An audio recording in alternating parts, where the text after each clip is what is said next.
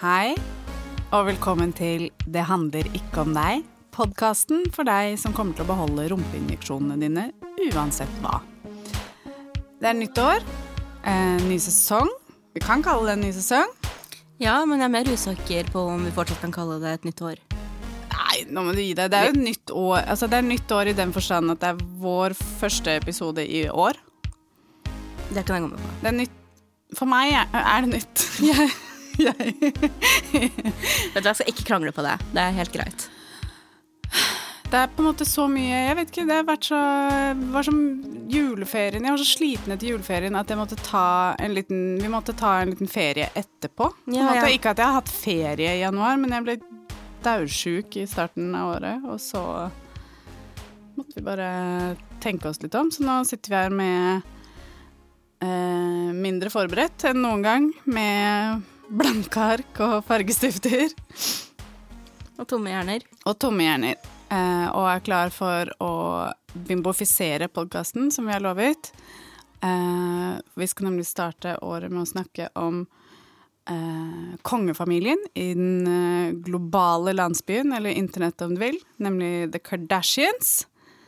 Eh, så vi starter lett eller tungt. Det får eh, den som lytter seg gjennom hele episoden, avgjøre.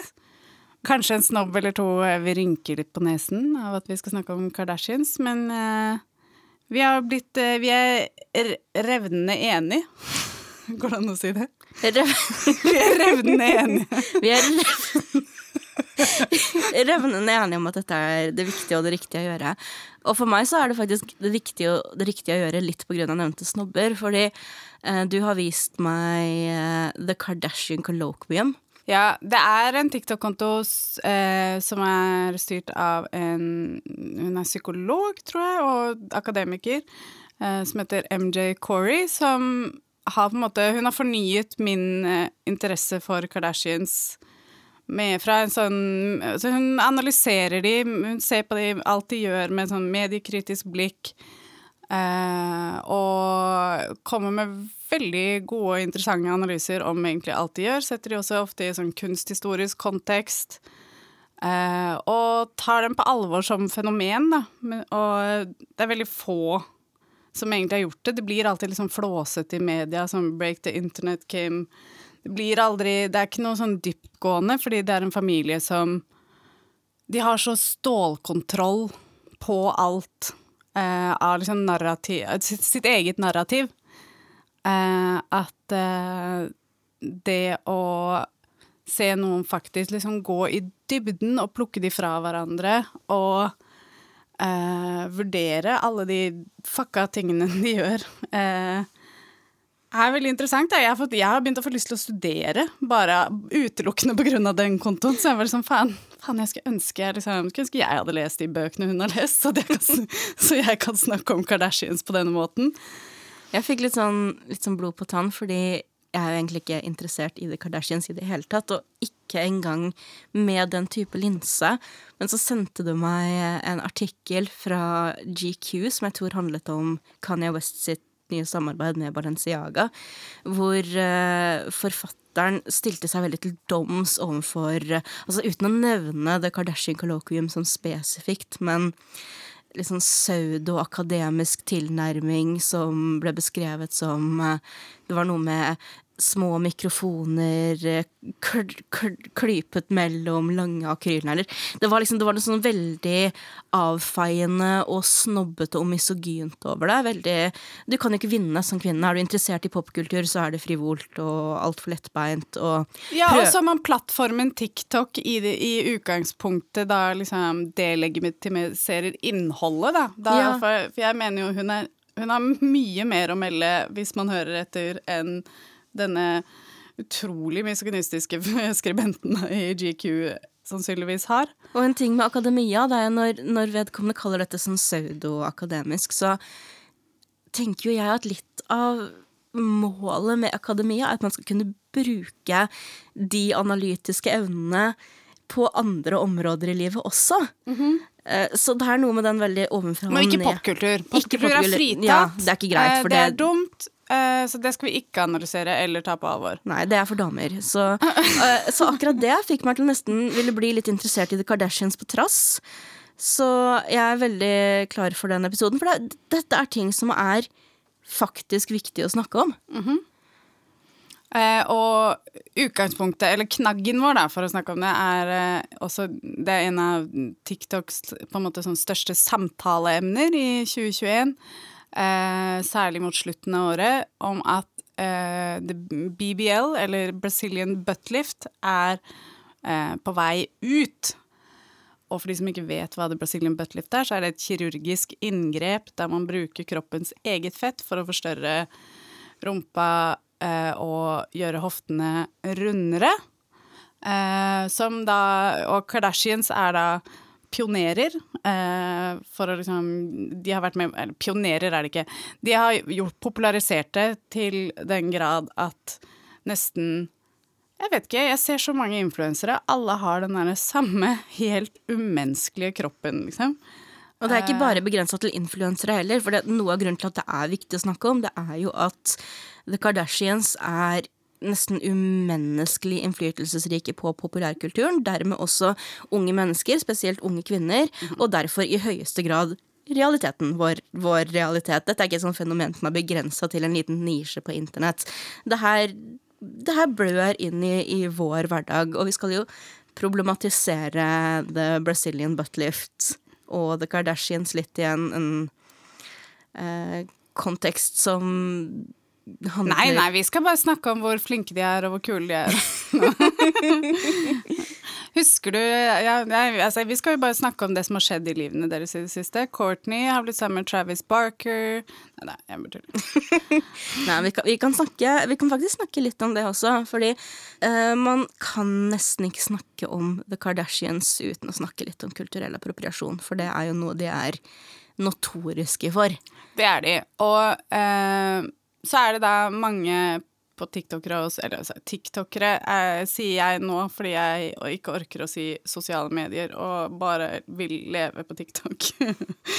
Men eh, eh, det er da flere eh, personer på sosiale medier med haukeblikk som eh, eh, analyserer og studerer alt Kardashians legger ut. Og eh, på et tidspunkt i fjor så mente, mener noen å ha observert at både Chloé og Kim Kardashian har redusert da sine eh, Brazilian buttlifts. Altså så det, hoftene er smalere, og rumpene er mindre. Eh, og så er det jo Kan det jo være mange grunner til det.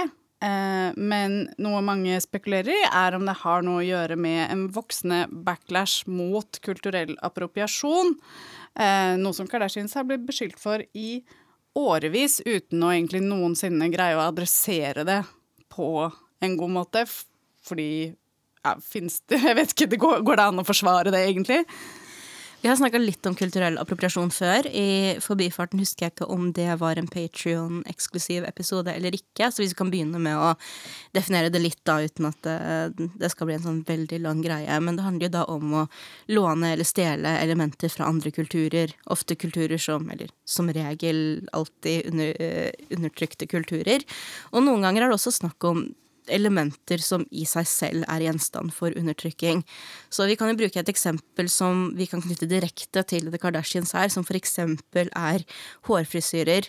Eh, spesielt beregnet på svarte, svarte kvinners hår.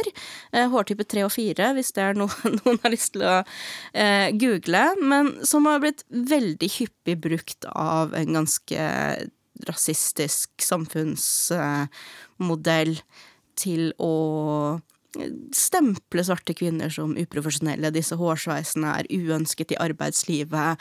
eh, Du får ikke lov til å bruke dem på jobb eller skole etc.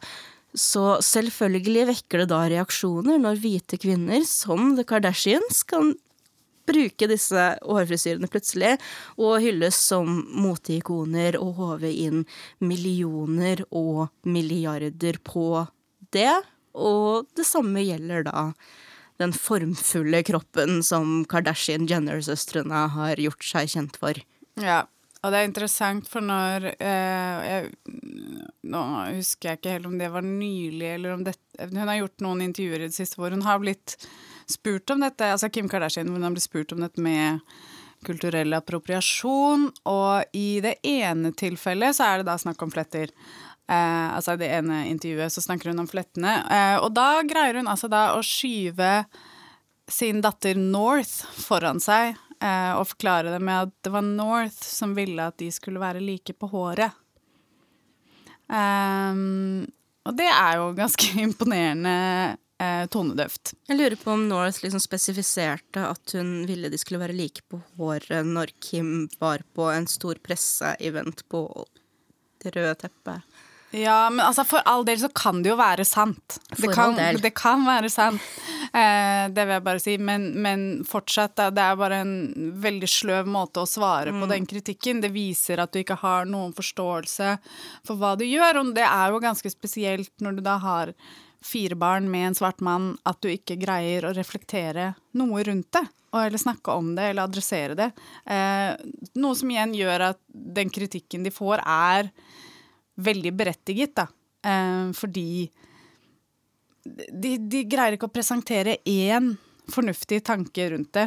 Eh, og de er også liksom, gjennom historien blitt beskyldt for å, for å bruke både altså, svarte menn, sånn som Kanye, som nå da er eksmannen til Kim Kardashian, eh, til å posisjonere seg eh, og sitt brand, da, og bygge og, og vinner veldig på det, og allikevel liksom og, ja, Det blir bare liksom pinlig eh, ikke kunne snakke om det på en, måte, på en sånn åpen måte, men men de er jo en sånn politikerfamilie, ikke sant. De har, de har igjen liksom dette med at de har så kontroll på sitt eget narrativ. De svarer hvis de gjør intervjuer, så er alle spørsmålene forhåndsplanlagt eller godkjent på forhånd.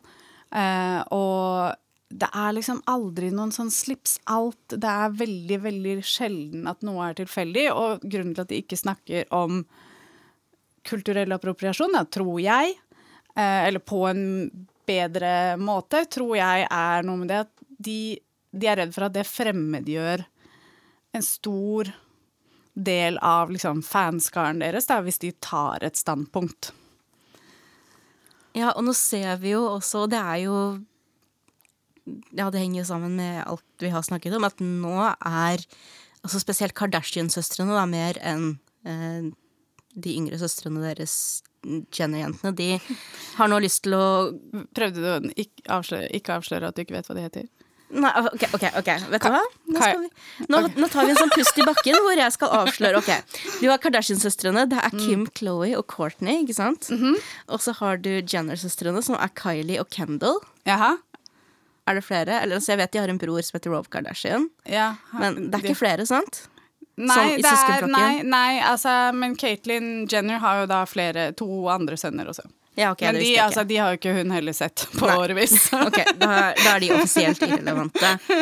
Men nå har jo i hvert fall Kardashian-søstrene tjent pengene sine på influenserbransjen. De har lyst til å etablere seg som seriøse. De er nå karrierekvinner. Kim tar en jusutdannelse.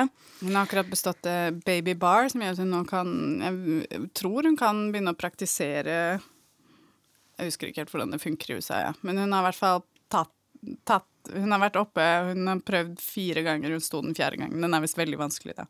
Så det er ikke fordi hun er dum. Så før vi fortsetter da på å reflektere litt rundt hvilke endringer de har gjort, nå som de ønsker å komme litt inn i, i den uh, retningen, så vil jeg gå litt tilbake til utspringet for Kardashian-berømmelsen, da, og Kim Kardashian, for det er jo tidlig 2000-tall. Og det kulturelle landskapet da, spesielt skjønnhetsidealet, det var jo Ja, altså, Kim Kardashian ble berømt litt i skyggen av sin venninne Paris Hilton, og Paris Hilton var da skjønnhetsidealet, ikke sant. Det var denne syltynne, eh, gjerne blonde, eh, hvite jenta. Og pro-ana eller pro-anoreksia-bevegelsen var veldig stor, og de tilba Mary-Kate Olsen og alle disse greiene. Men samtidig så hadde man da siden i hvert fall 90-tallet begynt å få en ny bølge hvor Altså, det har aldri vært noen eh, tvil om at den svarte kulturen har vært tastemakeren eller standarden for populærkultur i USA. Men slik det har foregått, det har jo vært at de svarte artistene som setter agendaen, de blir markedsført for et svart publikum. Eh, mens hvite artister knabber kunstformen og blir markedsført for alle. Mm -hmm. Og får være, med hjelp av den hvite kapitalen, pionerene, da. -hmm. altså i veldig enorme gåseøyne. Og så har man da sett gjennom hele 90-tallet, og også på begynnelsen av 2000-tallet, at det er rapp og hiphop og de svarte artistene som i stadig større grad setter agendaen. Og da begynner også en annen kroppstype å bli litt mer idealisert. Og da er det veldig riktig å eh, få med seg at svarte kvinner har blitt vekselvis demonisert og seksualisert og altså generelt undertrykket og gjort narr av for den kroppstypen som er mer formfull enn idealet var på det tidspunktet her. Og det finnes veldig mange groteske eksempler. Eh, man kan f.eks. snakke da om Sarah Bartman, som var en khoikhoi-kvinne fra Afrika, som ble stilt ut som et dyr på utstillinger i London og jeg tror Europa for øvrig, og presentert som the missing link mellom menneske og dyr. Det er Og hun er langt på vei den eneste. Mm. Nei, eller det motsatte er langt på vei den eneste, faktisk. hun er absolutt ikke den eneste. Ja, nei, absolutt ikke den eneste. Eh, men hun er kanskje det mest kjente eksempelet. Så hvis du noensinne har hørt om The Hottentot Venus, som ofte hun ble kalt, så er det en referanse til Sarah Bartman. Så det finnes da en lang historie av uh, svarte kvinner som blir undertrykt på grunn av denne kroppsfasongen, som begynner da å bli litt, litt nærmere idealet. Og hva skjer da? Jo, de hvite Kardashian-kvinnene kommer inn mm -hmm. og begynner å kapitalisere på dette og ta kirurgiske inngrep som fremhever disse greiene, og det er et problem. Ja, men det skal sies da at da Kim Kardashian ble kjent, så var jo hun Altså, hun, hun var jo mye mer formfull enn Paris Hilton, så allerede, hun var jo på en måte sånn et friskt innslag, da. Ja, var, det er ikke det at hun var operert fra start. Eh, men hun brukte medvinden. Siden, siden den gang så har kroppen hennes blitt et slags sånn arkitektonisk prosjekt. Det er akkurat det. Um, men nå som de da ønsker å etablere seg som seriøse og businessorienterte, hva lønner seg da i eh, et eh, veldig hvitt, veldig rasistisk samfunn? Da har de luksusen som faktisk svarte folk ikke har, som er at de begynner å fjerne ja, diverse sine, ja, ja. Altså, krympe formene sine krympe litt igjen. formene sine. De skiller seg fra sine svarte menn og får seg hvite kjærester. De, de kan rebrande, og det er jo mm. det som er kjernen av hvorfor kulturell appropriasjon er et problem. Ja, det var en, en, eh, en, tiktoker som jeg liker veldig godt, som heter Maya Wade, eller Myocondrial Membrane på TikTok, eh, som har laget en veldig bra post som heter eh, The Kardashian White Flight, eh, hvor hun forklarer suksessen til Kim Kardashian som nesten utelukkende basert på kulturell uh, appro appropriasjon eh, og contemporary blackface. Fordi hun, som du allerede har beskrevet, kan benytte seg av svarte trekk, men uten den belastende historien. Det er yassified eh, blackface. Ja, yassified blackface, det er akkurat det der. Um, og hun har liksom Hun har tjent stort. Hun har Altså, hvor mange år har hun vært sammen med Kanye nå? Jeg tror de ble sammen Det er ti år, kanskje? Nei, er det så lenge? Ikke så spørrende på meg. jeg husker ikke akkurat når de ble sammen, men jeg husker at uh, hun fikk barn et år eller to etter meg. Men uansett, da. For det var, det var jo selvfølgelig jeg opptatt av. da. Uh, men uh, nå er hun milliardær. Hun ble rett etter at hun tok ut skilsmisse fra Kanye i fjor, så ble hun erklært milliardær, eh, og hun har nå studert juss. Noen spekulerer jo i om eh, det at hun bruker sin posisjon til å hjelpe eh, til å jobbe mot det veldig urettferdige amerikanske rettssystemet med å få svarte mennesker som sitter og soner helt urimelige dommer ut av fengsel, at det også er noe hun gjør for å renvaske seg for den, den åpenbare kulturelle appropriasjonen. da.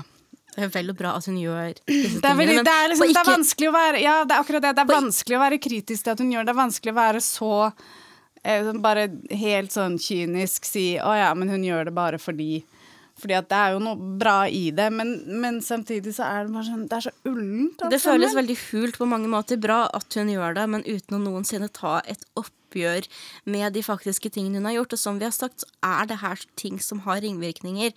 Og jeg vet ikke hva som kommer til å skje nå, altså i det popkulturelle bildet som også påvirker andre folk, nå som man kan si at eh, blackfishing, da, som det heter, altså bevisst bruke svart kultur, svarte trekk, fremstille seg som en person som er svart, eller kunne gått for å være svart. Altså, Hvis det er på vei ut, og det har The Kardashian Jenners en ganske stor definisjonsmakt innenfor, ja. eh, hva som skjer da. Altså det vi ser, det er jo at altså Akkurat nå så er det jo Nord-Asia som har eh, Ja. kanskje aller størst reach på, på det popkulturelle markedet. Det er derfor Ariana Grande har gått fra å være svart til å bli asiatisk eh, over natta. Eh, men men, men hva, hva vil skje? Fordi at i likhet med denne hvite kulturen som vi hadde rundt 2000-skiftet, og det skjer jo Eller 2000-årsskiftet, som det også heter, hvis man skal snakke ordentlig. Så det kan være en sånn tilbakevendelse til det. At det kanskje Proana-bevegelsen kommer tilbake. At det blir den greia. For dette, den nordasiatiske kulturen har jo også et, en helt ekstrem tynnhetsnorm. ja. Og noen spicy kjønnsroller, hvis det er motsatt av spicy. Spicy kjønnsroller. Hvis det er lov til å si. Så jeg vet ikke hva som kommer til å skje, men, men det er jo ikke til å stikke under en stol at Kardashian-Jenner-familien har mye de skulle sagt. Eh, Så jeg, er- jeg er spent på hvor den veien går videre. Om vi kommer tilbake til der det var før Ja. Kim Kardashian, eller hva som En annen ting som har skjedd også, det er at motebildet har forandret seg. Eh, fra altså Y2K-fashion har liksom blitt veldig stort det siste året. Lowrider Eh, jeans og og det Ja, det er for, Altså, det er akkurat de der lave jeansene, og det passer rett og slett bare bedre på tynne kropper. Eh, så det blir jo mange som har en Det er mye, mye jobb, jobb de må gjøre da, for å reversere alle disse Og det er ikke som om Kardashian-Jenner-jentene er ene og alene ansvarlig for dette, men de har en veldig stor definisjonsmakt. Men en ting jeg tenkte jeg skulle spørre deg om, siden vi først snakker om The Kardashians, fordi som jeg nevnte, så er jo ikke det et interessefelt jeg har eh, i det hele tatt. Men en av grunnene til at det ikke bare er en sånn ja ja, dette er ikke helt min greie, eh, til at det bare er en sånn greie jeg får litt sånn instinktiv noia av, det er jo eh, Chris Jenner, mor til hele flokken. Fordi jeg får- Djevelmoren. Djevelmoren. Jeg får så gåsehud av å tenke på at en mor kan bruke barna sine på den måten. Altså, det er glorifisert menneskehandel, slik jeg ser det. Og jeg, jeg, jeg skjønner veldig godt den derre fascinasjonen med denne helt sinnssyke Hollywood-typen oppførsel. Eh, men s- s- selv så klarer jeg det ikke. Det er sånn ovenfor min toleransegrense for hva jeg klarer å se på uten å få vondt. Og det gjelder kanskje ikke ikke kanskje, men det gjelder jo ikke bare Kardashian-familien. Det er bare ideen om at en forelder kan bruke Pimpe ut Kan barna pimpe sine. barna sine på den måten. Ja. Så hva har du å si om Chris Jenner, du som vet litt mer enn meg konkret om familien?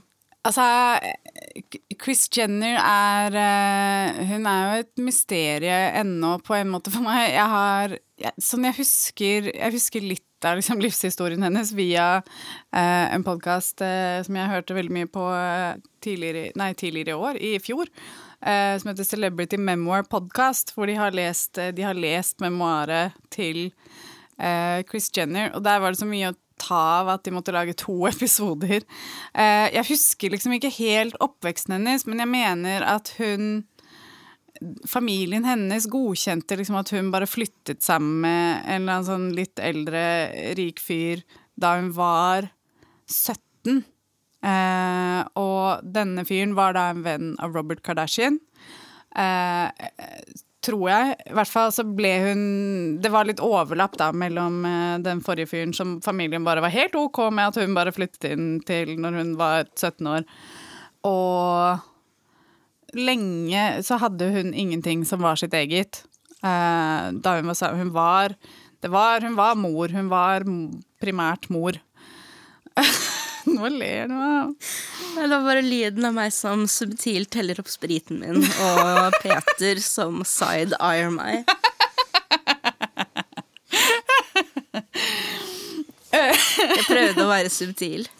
Det er ikke noe vits i å være subtil, egentlig. Jeg tror ikke vi skal legge skjul på at, eh, at vi drikker litt alkohol eh, her innimellom. Bortsett fra deg akkurat nå, for du kjører meg, så jeg kan drikke alkohol. Ja. Jeg, eh, jeg holder meg nykter på veien. Um. nei, nei, men det, det, Man blir jo et produkt av sine omgivelser, sånn åpenbart. Eh, og det har jeg prøvd å tenke på litt sånn i forkant av at vi skal snakke om The Kardashian, så har jo de vært med på å normalisere kosmetisk kirurgi uten at de noensinne snakker om ja, at de faktisk jeg, gjør det. Det syns jeg er det rareste, fordi at de ser jo ut som, som skulpturer, og så, og så adresserer de aldri aldri operasjonene sine. Og jeg, på en måte så er jeg sånn Jeg er helt Altså, er, noe av det har jo vært sikkert på altså Jeg har ikke sett alle sesonger av Keeping Up with the Kardashians. Jeg har knapt sett noen episoder. Jeg har primært fulgt de i sosiale medier og lest om de. Um, men uh, for eksempel Kylie Jenners uh, forvandling uh, fra hun var sammen med Jaden Smith, til hun traff Travis Scott Uh, den er ganske voldsom. Nei, Taiga var det hun ble sammen med først. Uh, det, det, er to helt forskjellige mennesker. Uh, og hun nektet jo veldig, veldig lenge for at det var noe. Og jeg, det er liksom, der er jeg litt delt, da. For jeg, sånn jeg, altså man skal jo helst ikke vise kirurgiske inngrep, for det trigger, det trigger nesten mer men man burde i hvert fall være ærlig om at man har gjort det. Eh, for det er et eller annet med det å, å, å, å ikke, ikke, forklare folk at det her er ikke oppnåelig. Du må ha veldig, veldig mange penger eh, og opereres for å se sånn ut. Eh, jeg tror mange hadde hatt godt av å bare, bare høre de snakke om det. Men det at de ikke f.eks. ikke viser så mye av det, det, det er kanskje bra. Det, jeg vet ikke. Det, det, det, er greit i seg selv, men jeg prøvde å tenke litt hvor mye skyld man skal tillegge enkeltindivider. Altså, jeg har ikke noen ekstremt hotte takes om kosmetisk kirurgi i det hele tatt. Mitt, mitt take er ganske lunkent, som mm. er at jeg har problemer med normaliseringen av det, samtidig som jeg ikke i noen sånn veldig stor grad laster enkeltindivider for å få det gjort. Altså hvis det kan hjelpe på din dysfori, dine store komplekser, å gjøre enkelte inngreper, så er det vel og bra. Men så tenker jeg at hvis du er en person som har en viss grad av sosial makt, du er en influenser, selv om du er vokst opp, og det er der jeg kom litt inn på Kardashian-kvinnene, at selv om de, de, er vokst opp til at en viss type oppførsel er normalisert, så kommer det til et punkt hvor sympatien min for hva du har vokst opp med som normalen, møter din evne til å reflektere og kanskje ta noen litt modige valg. Og jeg forventer jo andre ting fra en litt eldre influenser enn jeg gjør fra en litt ung influenser. Jeg hadde jo mye forståelse for og tålmodighet med f.eks. Sofie Elise lenge. Mm -hmm. Som begynner mm -hmm. å bli ganske mhm. tynnslitt nå. Uh, jeg si. har det, jeg, det, vil jeg si. Jeg har, jeg har en del sympati med Sofie Elise, faktisk. Ja, altså, jeg har, jo, jeg har jo den sympatien, men nå som hun er gammel nok til å vite ja. bedre enn enkelte ting, så, så, begynner det, ja, det jeg, jeg, vil bare si at Det kommer an på sammenhengen, men jeg Åpenbar, er bare ja, utrolig lei Jeg er utrolig lei av eh, norske kommentatorer som skal gjøre Sofie Elise til en sånn antagonist uansett uh, hva det gjelder. Liksom. Oh, sånn som når det, i 2020, når det eksploderte Det ble så mye jævlig mye mas fordi hun hadde lagt ut et kyssebilde med Anniken Jørgensen Altså, come on. Bare la en kvinne leve litt, da. Det, altså, La hun, det, da. det, det drit Altså, om det er pandemi Jeg bare ser liksom folk kommentere sånn Ja, men bestefaren min er på sykehus, og du kysser med venninna di, og det er respektløst for meg. Vet de sikkert at bestefar ikke ikke, også er på sykehus fordi han har klint med Anniken Jørgensen? Det det var jo nesten det de impliserte, at bestefar lå på sykehus fordi Fordi, fordi Sophie Elise er ute og kliner eh, som den eh, frimodige kvinnen hun er. Tenk. Hvordan våger hun å ha noen som helst eh, relasjoner under en pandemi? Ja, men det begrenser seg til saker som er helt urimelige. Jeg, jeg, hvis, jeg husker det ble mye mas, hun måtte forsvare seg. Det var Faren hennes måtte komme på Debatten, og det var noe sånn plastisk kirurgi-greier. De hadde vist at hun var eh, i USA for å fikse en fucka eh, plastisk kirurgijobb. Ja, og så husker jeg også at det var Hun var veldig åpen om å ha hatt eh, underlivskirurgi, fordi eh, hun hadde kjønnslepper som var på en, et eller annet vis. Hun hadde usikkerheter der, og så hadde hun fiksa det. Og det var sånn Men jeg er veldig usikker på liksom det For det, jeg, jeg er jo en som har Jeg innrømmer veldig ærlig og åpent at jeg eh, blir påvirket av det jeg ser, og at nå Jeg har et par ganger de siste årene sittet og sjekket liksom priser på diverse inngrep. Eh, men jeg tenker også sånn Hvis man begynner med én ting så er veien til det neste så kort da, at du, blir, altså, at du bare fakker fucker deg selv opp mer ved å begynne å liksom fikse på ting. Så hvis du fikser én ting, så må du fikse noe annet. La oss si at du er en, en ihuga motstander av plastisk kirurgi i full stopp. Altså, hvor, hvor går grensen for det? Er det ved liksom, kjemiske peelings? Er det ved fillers? Er det først når en skalpell er inne i bildet? Jeg tror Man ville kanskje fått et forklaringsproblem hvis man skulle definere, men det er ikke sånn super, superduper relevant sånn egentlig. Men det at ikke bare vanlige kvinner, men liksom godt voksne, reflekterte kvinner, sånn som nå deler jo du at du har hatt disse usikkerhetene, påvirkes jo også av sosiale medier og folk som The Kardashians. Sånn. Det, det understreker påvirkes helt direkte. Jeg, Kanskje ikke av Kardashians, men jeg er da veldig glad i jenta mi Rihanna, som jeg alltid kaller henne her på podden. Det understreker jo veldig hvorfor det faktisk er relevant å snakke om disse tingene, og ikke bare en sånn Nettopp. Å, dette, dette er for dumme damer som bare liker cava. Alle tenker på det, og det er eh, Cava, ja. Fan. Hvis du er en kvinne som liker cava, så ikke snakk. Da kan du bare gå og dø. Ja. Jeg får vondt i hodet bare av å tenke på cava, faktisk. Men uh, Hva var vi? jo. Nei, vi var, vi var i ferd med å løse en gang for alle hvorvidt kosmetisk kirurgi var ok eller ikke. Jeg, jeg er delt. Ja eller nei? Ja, jeg, eh, endelig svar avgitt her. Nei, jeg vet ikke. Jeg er delt. Jeg er, eh, da jeg lagde poddens første TikTok for eh, en måned eller to siden, så ble jeg veldig Plutselig, for, for første gang på veldig lenge, så så jeg eh, min egen panne, eh, og hvor utrolig mye jeg eh, beveget øyenbrynene når jeg snakket. Og jeg tror at jeg gjør det ganske mye, fordi jeg er sånn genuint opptatt av å vise folk at jeg hører når jeg snakker med dem. Eh, og det har jo da også så Når når jeg snakker, så, når jeg snakker i kamera, så gjør jeg det tydeligvis også. Um, og da tenkte jeg sånn Hm, hva med noe Botox? det, altså, det er ikke det, er ikke det jeg, jeg kan ikke altså, sånn, er, jeg, jeg er veldig usikker på om jeg noensinne kommer til å, å, å gjøre det, fordi jeg har veldig delt forhold til det. Men, men jeg vet ikke, jeg, altså, hvis det hjelper deg hvis det, men, men jeg vet ikke hvor mye jeg tror på at det hjelper i lengden, egentlig. Jeg tror på en måte bare at du utsetter problemene, da, på en måte. Kanskje problemet i bunn og grunn er å være et menneske med et fjes og en kropp, og at løsningen ligger i the metaverse. Problemet er jo at vi lever i et samfunn der vi skal Der kjønns... Nei, kjønnsidealet. Skjønnhetsidealet eh, er eh, 19 år gamle kvinnekropper. Eh, så vi kan jo kanskje begynne å jobbe med det. liksom utvide skjønnhetsidealet litt. Vi, vi har jo snakket litt om eh, kroppspositivitet, ikke kroppspositivisme. Nei, det er ikke lov å si, for da får du HF-gutter. Ja. Da får du HF-gutter. Ja, det er som lus, da får du HF-gutter. Og du må på apoteket, og du må kjøpe HF-guttemiddel. Og du må, du, må, du må smøre HF-guttemiddel utover hele kroppen og dusje det Og av. fryse, fryse alle klærne dine. Ja, og så kommer det sånne stønnelyder når du smører det utover kroppen, og det er helt utholdelig. Ja, ja. Uh, hva var det?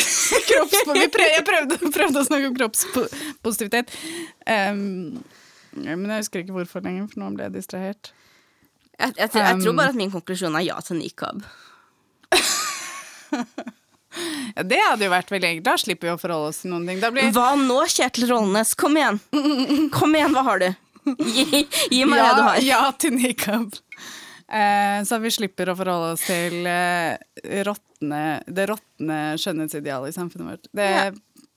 Gjerne for meg. Nei, jeg ja, jo, jeg vet ikke. Altså Frivillig nikab, åpenbart, men uh, en mer positiv innstilling til nikab generelt. Det Med, du vil heller ha nikab enn en Botox? Ja. Jeg tror vi lander Jeg tror at der lander vi forskjellig, på en måte. ja, men ok, okay. Ja, men da er den endelige konklusjonen at nikab eller Botox. Det er de to valgene du har. Det er de to valgene. Da tar jeg Botox. Jeg tar nikab. Ja. Er det ikke så fint å møtes på et gylne middelvei? Jo.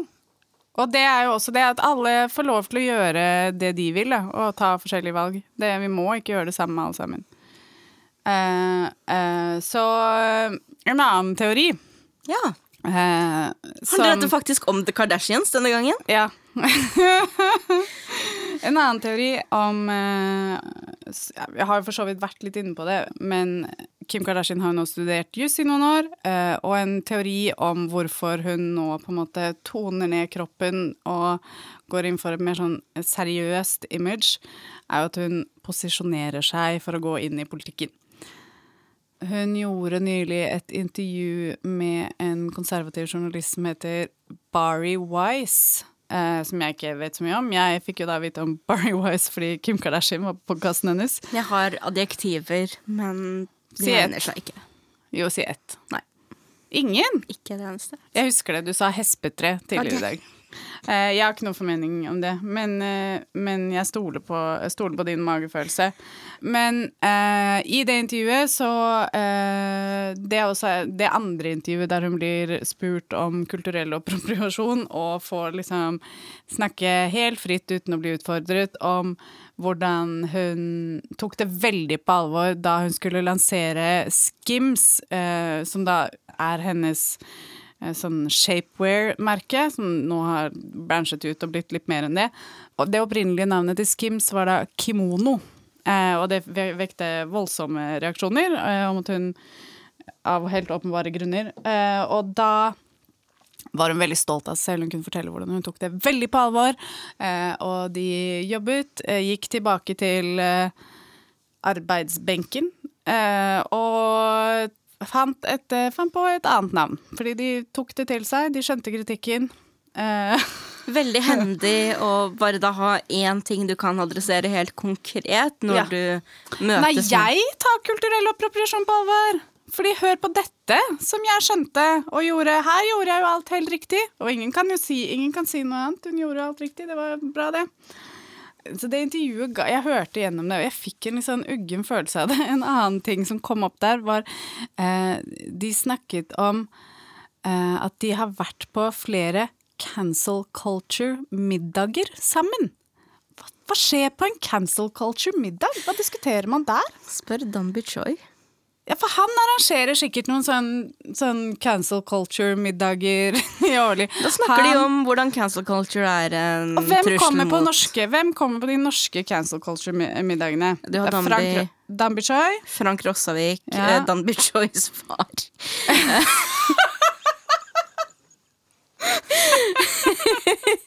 Skinnet. Um, Espen Goffeng. Ja, oh, han Jeg orker ikke å snakke om han.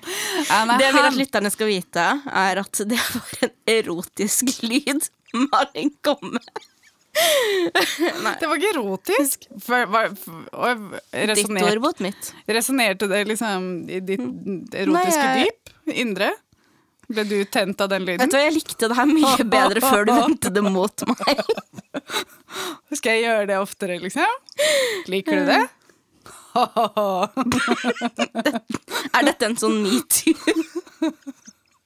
Nå trakasserer jeg deg ennå? nå. vet, vet, du hva- er kansellert. Dette er én ting, og det er et tegn på at vi bør runde av.